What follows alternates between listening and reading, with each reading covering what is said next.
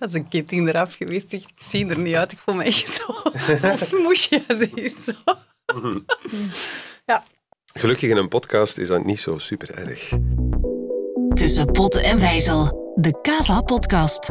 Boeiende gesprekken met en voor apothekers. Persoonlijk, Voor mij is eigenlijk een stage geslaagd als op het eind van de rit de stagiair niet meer opvalt in het team. en actueel. Die student dan, eh, die was even enthousiast als die stagebegeleider. Dat is heel mooi natuurlijk. Hè. Tussen Pot en Vijzel. De Kava-podcast. Te beluisteren op Spotify en iTunes of via je favoriete podcastplatform. Ja, hartelijk welkom voor opnieuw een nieuwe aflevering. En de titel is deze keer Jong Geleerd. Hier voor mij zitten inderdaad twee studiogasten die er zowel jong als geleerd uitzien. Maar ik heb hen vooral uitgenodigd omdat ze elk op hun manier sterk betrokken zijn bij stagebegeleiding. Dat is nu heel actueel, want er zijn heel veel studenten momenteel hun stages aan het afwerken. En er waait ook een nieuwe wind door het stagelandschap. Straks meer daarover. En uiteraard willen we ook de stagemeester eens wat beter leren kennen. Tussen Pot en Vijzel. De Kava-podcast. Goedemorgen, Carolien.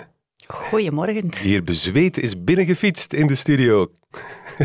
Knap zeg, van helemaal van Antwerpen naar Studio Sonar in Rumst gefietst. Inderdaad, het was eh, met een paar bochtjes extra deze ochtend, maar nog altijd de snelste route van Ja, wat bedoel je eh, met een paar extra bochten? eh? Ehm, we zijn vertrokken met platte band. Ehm, we hebben een klein accidentje gehad onderweg. Ik denk dat we een kilometer of vier, vijf te veel gefietst hebben, maar we zijn er. Maar goed, de, ja, de portie ongeluk heb je al gehad dan voor vandaag, zullen we maar zeggen. Het komt helemaal goed met de opname van deze eh, podcast.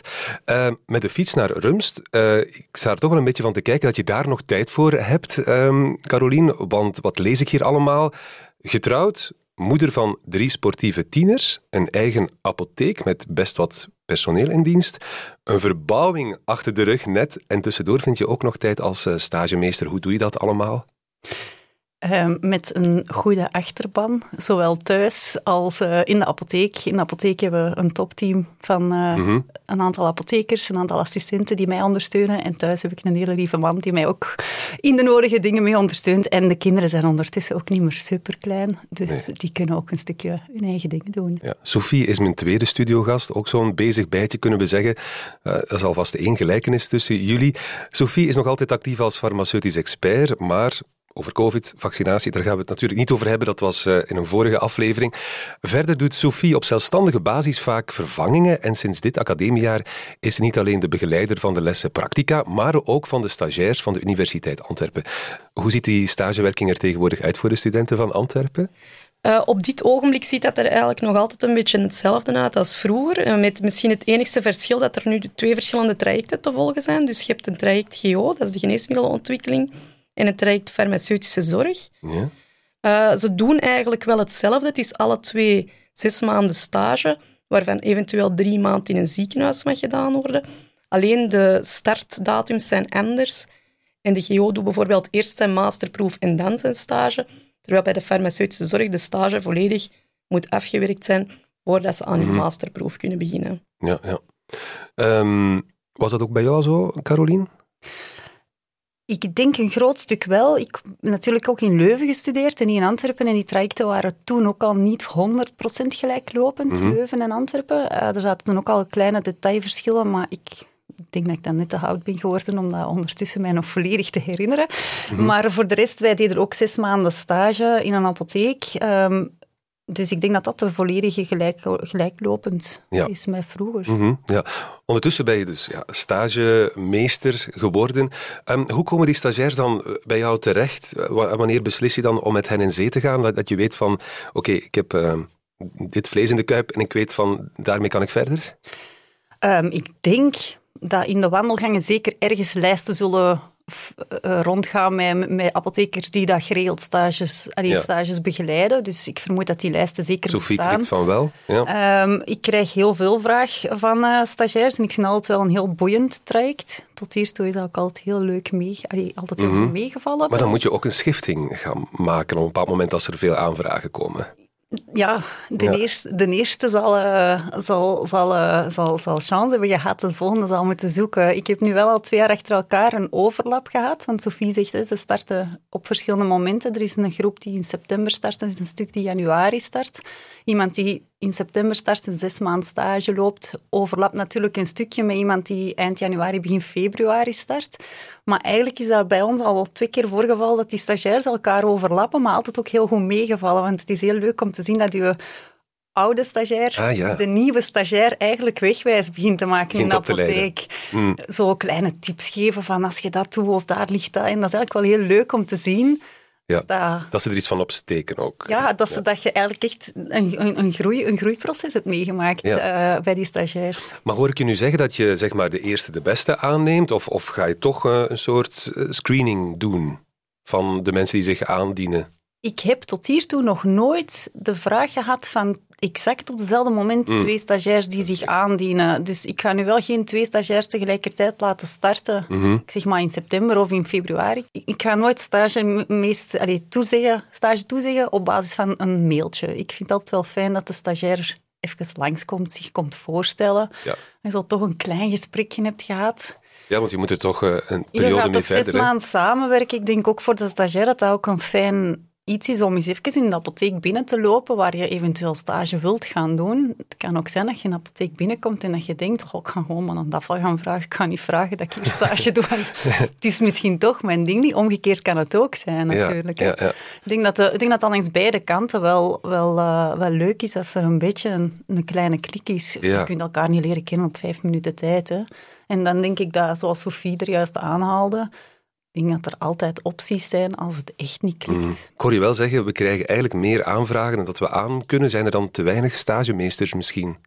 Ik denk daarom niet te weinig stagemeesters. Ik denk alleen dat sommigen misschien wat meer terughoudend zijn. Ik hoor nu wel terug wat meer mensen die zo wel wat enthousiaster zijn om terug stagiairs op te leiden. Ik denk dat wij ook wel uit twee redelijk pittige jaren komen in het corona-verhaal. We waren degene die ook altijd open waren, altijd beschikbaar waren.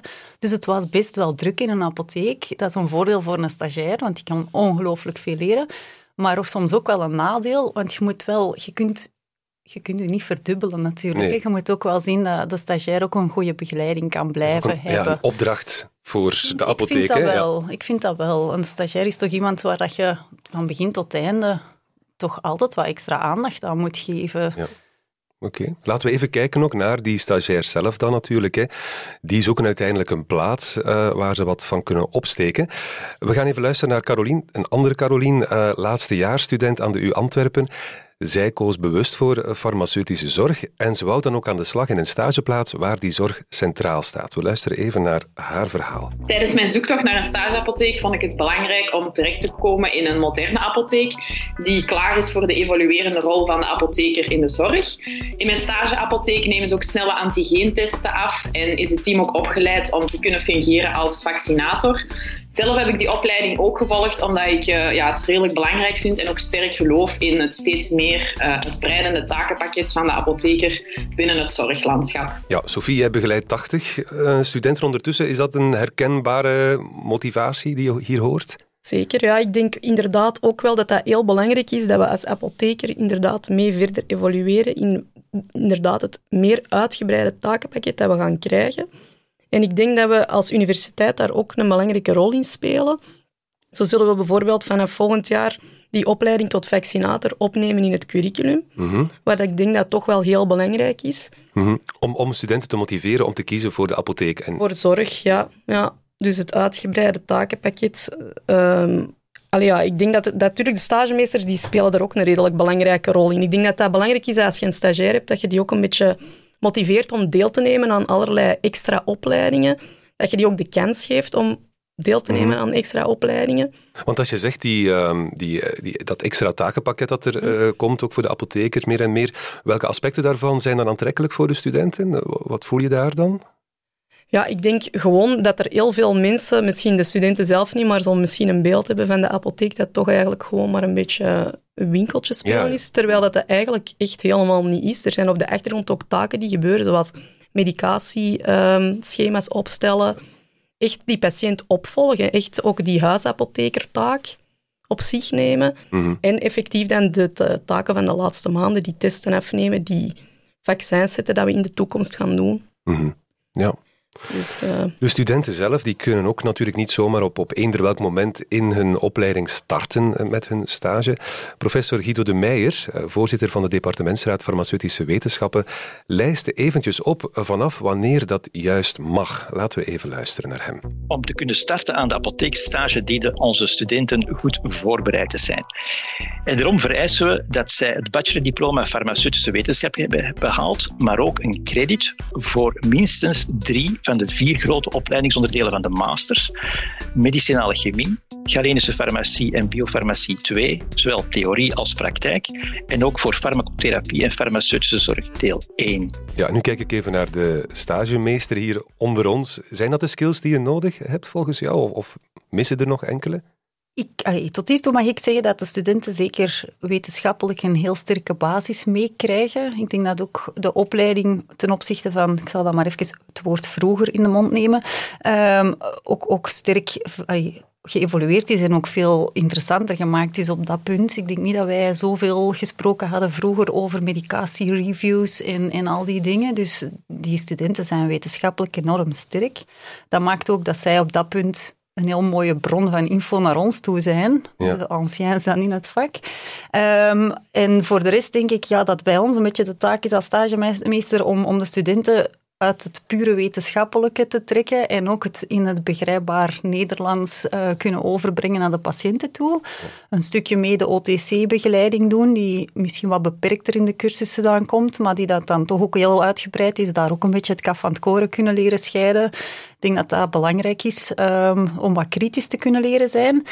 Als ik, ik één ding zou veranderen, want dat blijkt wel vaak een struikelvak te zijn, dat is het bewuste Galenica-examen. Dat is geen simpele koek. En ik zal zeker niet zeggen dat een student niet moet kunnen rekenen en geen juiste bereidingen kunnen maken. Nu komt het voor de stage. Maar nu komt Ja. dat echt als verplichting voor de stage, terwijl dat ik denk dat dat dat daarom niet noodzakelijk is. Ik denk dat je heel veel kan leren op, op gebied van bereidingen maken, ook nog in de apotheek, door bepaalde routines, die dat, door, door dat regelmatig terug opnieuw te doen, dat je dan toch ook wel kunt verbeteren en dat die examens misschien op een of andere manier ook vlotter lopen. Dus dat was iets dat bij mij dus nieuw was. Ik had al drie maanden stage gedaan voordat wij onze eindexamens van Galenica deden in Leuven. Ja, dus de stagemeester zegt hier, Sophie, van ja, misschien is dat eerder een voorbereiding op dat examen dan, dan dat het een soort van ehm, vervolg is.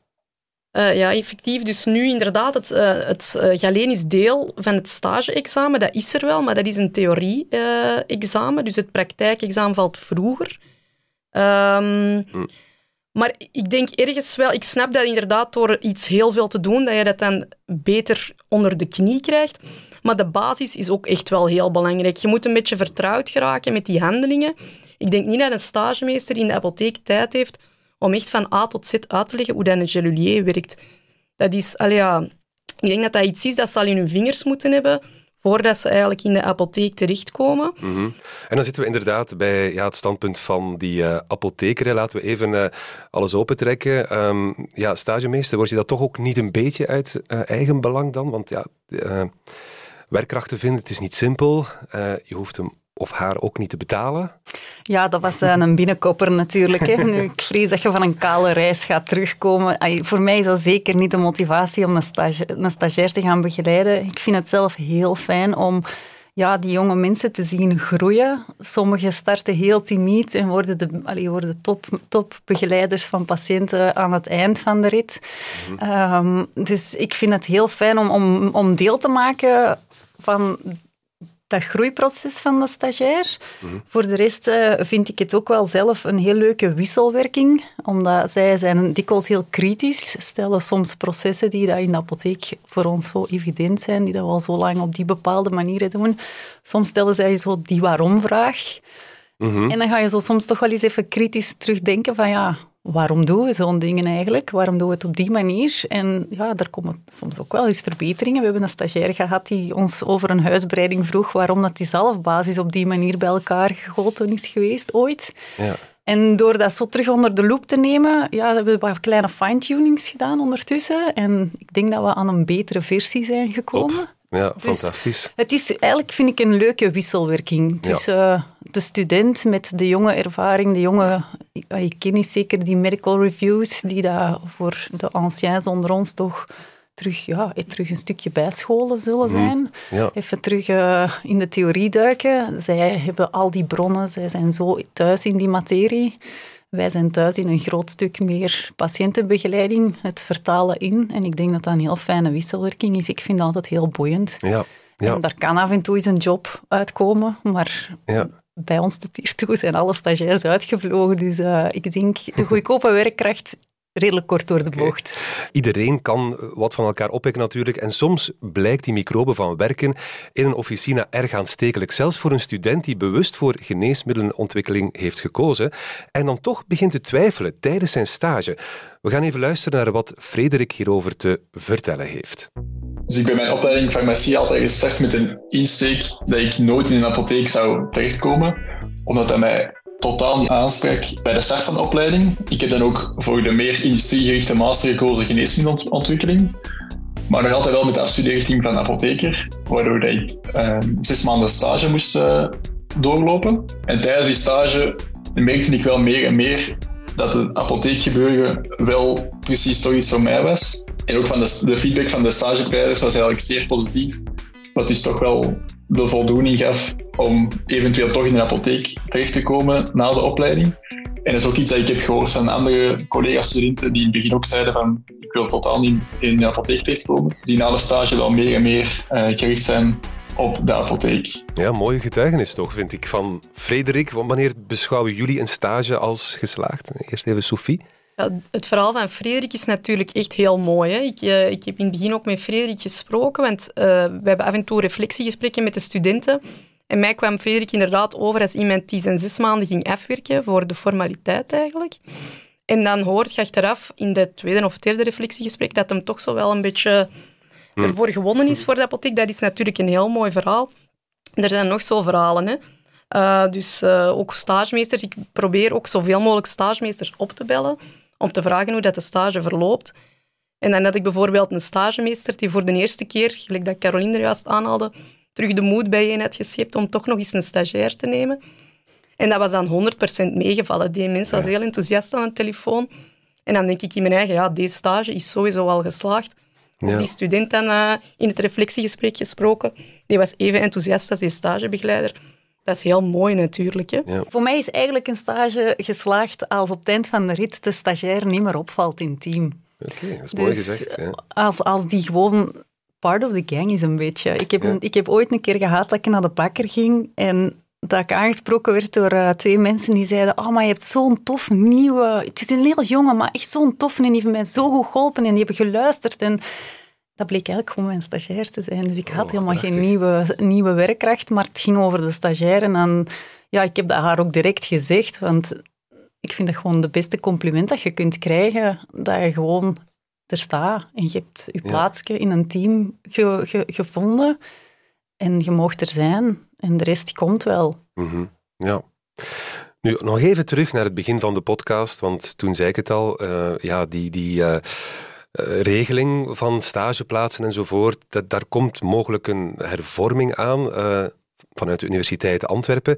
Laten we daar even naar luisteren. Eh, professor De Meijer geeft een beetje uitleg en daar kunnen we dat straks eh, even over eh, terugkoppelen, hè, wat jullie daarvan vinden. De apotheekstage is een heel belangrijk opleidingsonderdeel in het curriculum farmaceutische wetenschappen. En daarom willen we ook altijd zoeken naar de beste kwaliteit voor die apotheekstage. Enkele jaren geleden hebben we een proeftraject geïntroduceerd waarbij studenten stagiairs stage konden lopen op twee plaatsen, twee officina's. In principe is dat iets dat niet nieuw is, maar wat we nu dan explicieter zouden kunnen doen dan in het verleden het geval was. En uit dat proeftraject hebben we kunnen leren dat de studenten daar heel tevreden over zijn. Zij kunnen andere ervaringen opdoen, bijvoorbeeld ervaringen in een officina op het platteland of een officina in de stad. Dat zijn totaal andere ervaringen, zoals de studenten ook ons vertellen. En ik denk dat het erom belangrijk is dat we in de toekomst dat proeftraject kunnen veralgemenen en kunnen uitbreiden, weliswaar telkens in goed overleg met de apothekers-stagemeesters. Bovendien is het zo dat bij de meeste opleidingen in de gezondheidszorg een stage steeds op meerdere plaatsen gebeurt. Ja, maar ik heb de indruk dat Caroline het liever bij een proeftraject zou houden. Nee? Of wat is jouw gevoel? Ja, ik, ik heb dat, dat is niet de eerste keer dat ik dat had horen vallen. Dus ik heb, ik heb daar al een beetje over nagedacht. Ik, uh, ik ben zelf persoonlijk geen, niet direct een fan. Omdat de eerste ik zal het nu even maanden zeggen, wordt er wel wat tijd gespendeerd aan, aan het pure logistieke, het praktische. Waar staat het? Hoe werken wij? Um, hoe vind je iets terug in de computer? Hoe verwerk je dat voorschrift? Um, en als dat allemaal zo iets meer routine wordt, heeft eigenlijk de stagiair veel meer tijd om te gaan verdiepen, om, om, om beter zijn advies te gaan fine-tunen, om een keer in overleg te gaan met het team, een keer in overleg te gaan met een arts, een medicatiereview te maken. En ik heb soms ik denk dat er wel wat kostbare tijd gaat verloren geraken. Stel dat je halverwege moet wisselen. Je komt in een andere apotheek. Daar zijn toch net een klein beetje andere gewoontes. Dingen worden net wat anders gedaan. Dus je hebt toch weer een paar weken dat je zo wat verliest in het logistieke stuk. Terwijl dat ik denk dat dat niet de, de, de, basis van een stage moet zijn. Dus ik zou het jammer vinden en ik zou het ergens dan meer persoonlijk voor mezelf jammer vinden, omdat ik het heel fijn vind om die stagiair ook ergens ja, tick the box te zien doen na zes maanden ja, zoals mhm. ik zei, een deel van het team te kunnen worden. Ja, ik ga dat wel missen, denk ik. Maar dat is dan puur een persoonlijke ervaring. Als, als de student beter is met het ander traject, zal mij ergens daarin schikken. Maar, ja, want wat de professor zegt, die heeft misschien ook wel een punt. Ja, hè, van, ja maar ik vraag mij af of um, een ehm, student die bewust kiest om ergens in een stad stage te doen, of dat hij zo direct uh, met de bus mm. naar, naar, het platteland gaat rijden. Ik denk dat het ook wel wat romantischer wordt voorgesteld dan het in de realiteit zal zijn. Maar... Sophie, het wordt romantischer voorgesteld. ja. Ja, dat zou, dat zou inderdaad wel kunnen. Uh, inderdaad, die, misschien die stadsapotheek versus uh, plattelandsapotheek is misschien inderdaad een beetje romantisch. Maar um, ik denk ook wel dat een, dat een, dat een stagiair een, een, een breed beeld moet krijgen van wat dat de stage is. Mm uh, niet alleen op, op basis van locatie dan, maar ook um, alle apotheken zijn anders. Um, je hebt apotheken die, kleine apotheken van privépersonen, of je hebt grotere apotheken van, van, van ketens, waar dat een hele andere aanpak is. En de er zijn stagiaires die zich op de ene plek goed gaan voelen en op de andere plek. En ik denk als je dan twee zo'n plekken kunt doen tijdens je stage, dat je dan echt wel een breder beeld gaat krijgen van wat dat werken in de apotheek is. Hmm. Zo is er een voorbeeld van een meisje, stagiaire, die op een eerste plek een stage doet, die wel zoiets heeft van ja, oké, het is wel oké, maar toch niet helemaal mijn ding. De volgende drie maanden doet hij haar stage op een andere plek, een meer multiculturele plek.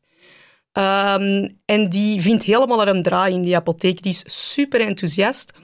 En ik vrees dan bijvoorbeeld, als die zes maanden in die eerste apotheek was gebleven, mhm. dat we die misschien kwijt waren als officine-apotheker. En dat denk ik dan toch wel. Het is misschien één voorbeeld, maar er zijn nog zo voorbeelden. Um, nu, een oplossing dat we eventueel zouden kunnen uitwerken, is eigenlijk met vaste duo's te werken. Uh, dat is iets waar we nu over nadenken. Bijvoorbeeld dus uh, twee stagemeesters aan elkaar koppelen, die dan hun stagiaire uitwisselen na drie maanden. Dat je dus eigenlijk een ervaren... Dat je dus niet twee keer achtereen drie maanden iemand moet opleiden. Mm, dat je dus je tweede drie maanden een ervaren stagiair binnenkrijgt, die zich misschien makkelijker en rapper die dingetjes dat Caroline zegt zal onder de knie krijgen. We gaan het debat hier niet helemaal voeren, maar misschien toch nog een kleine reactie daarop. Zou dat iets kunnen zijn of is het iets om over verder na te denken?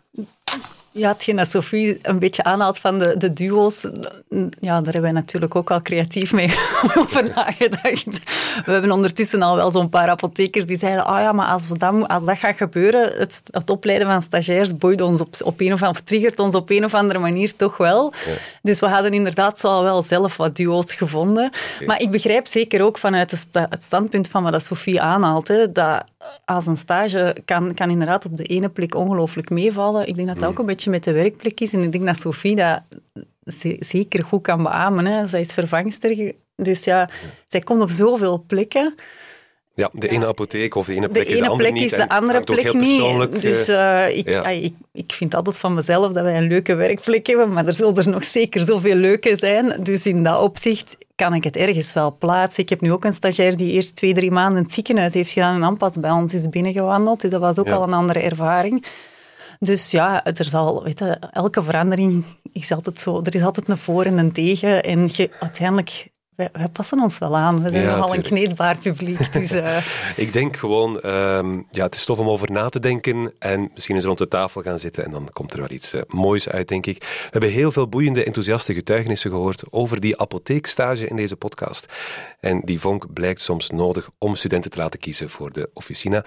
Dankjewel, Sophie en Carolien. Graag gedaan. Graag gedaan. Dit was Tussen Pot en Vijzel. Heb je vragen, suggesties of opmerkingen? Stuur ze naar podcast.kava.be. En vond je deze podcast boeiend? Deel hem dan met anderen. Tussen Pot en Vijzel, de Kava-podcast. Te beluisteren op Spotify en iTunes of via je favoriete podcastplatform.